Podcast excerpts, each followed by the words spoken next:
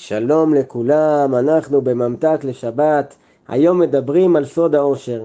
באמת יש דבר שהוא משותף ואוניברסלי לכל אדם שחי בעולם. המטרה של כולנו היא להיות מאושרים, כמה שיותר ליהנות ולהתענג בו בעולם. והשאלה היא, איך משיגים את זה? יש הרבה דברים בעולם שאמורים לספק לנו את תחושת העושר הזאת. רכב יוקרתי, תואר, משרה מכובדת, לא חסר. העניין הוא שרוב ההנאות האלה הן הנאות גשמיות, ועם הנאות גשמיות יש בעיה רצינית. ההנאה שמקבלים מהן מתפוגגת מאוד מהר. כדי לקנות רכב מנש, חדש מהניילון לצורך העניין, רובנו צריכים לחסוך כסף בצד במשך כמה שנים טובות. אבל המחקרים מראים שההנאה מאותו רכב פגה כבר לאחר חודש אחד. אנחנו בעצם משולים לאדם צמא שמנסה להרוות את הצמא שלו משתייה של מיץ. באמת הטעם מתוק, אבל מהר מאוד נרגיש שאנחנו עדיין צמאים.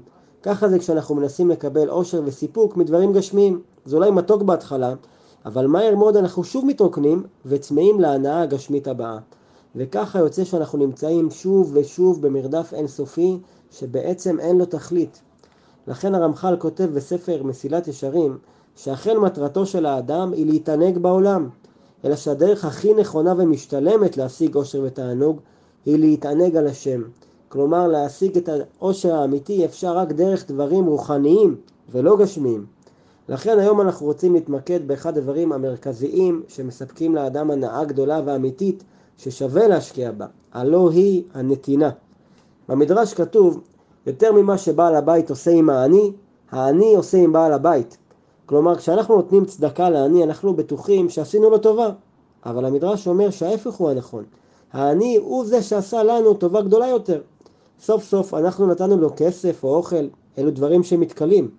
אבל אנחנו קיבלנו מעשה של נתינה וחסד, דבר רוחני, שנזקף לזכותנו לנצח נצחים. באמת אין לזה הסבר הגיוני, אבל ככה זה עובד. באופן אבסורדי, דווקא כשאדם לא עסוק בלקבל ובלדאוג לעצמו, אלא בלתת לאחרים, דווקא אז נמצא שהוא מקבל הכי הרבה. זה דבר פלא.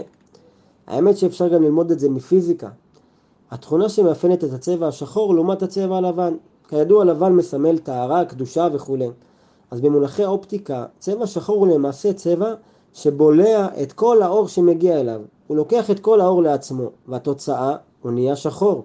לעומתו הצבע הלבן מחזיר את כל האור שמגיע אליו. הוא לא לוקח שום דבר לעצמו, והתוצאה הוא לבן. כמובן שההנאה שמפיקים מנתינה מגובה גם בהמון המון מחקרים, אבל באמת אנחנו לא צריכים את המחקרים. כולנו כבר יודעים את זה בתוכנו וכבר חווינו את הסיפוק הגדול מאוד שיש בנתינה. רק שאנחנו לא תמיד זוכים ומודעים לזה, שזה מסב לנו הרבה יותר אושר וסיפוק מאשר מסך הטלוויזיה החדש שקנינו. אז כנראה שלא נצליח להיגמל לגמרי מהרדיפה אחרי הנאות גשמיות ומהגלקסי החדש שיצא, וזה בסדר. אבל כן חשוב שנדע להשקיע לפחות באותה מידה גם ברוחניות, ונרבה בנתינה כמה שיותר לסובבים, לסובבים אותנו. זאת פשוט עסקת חבילה שהיא מושלמת.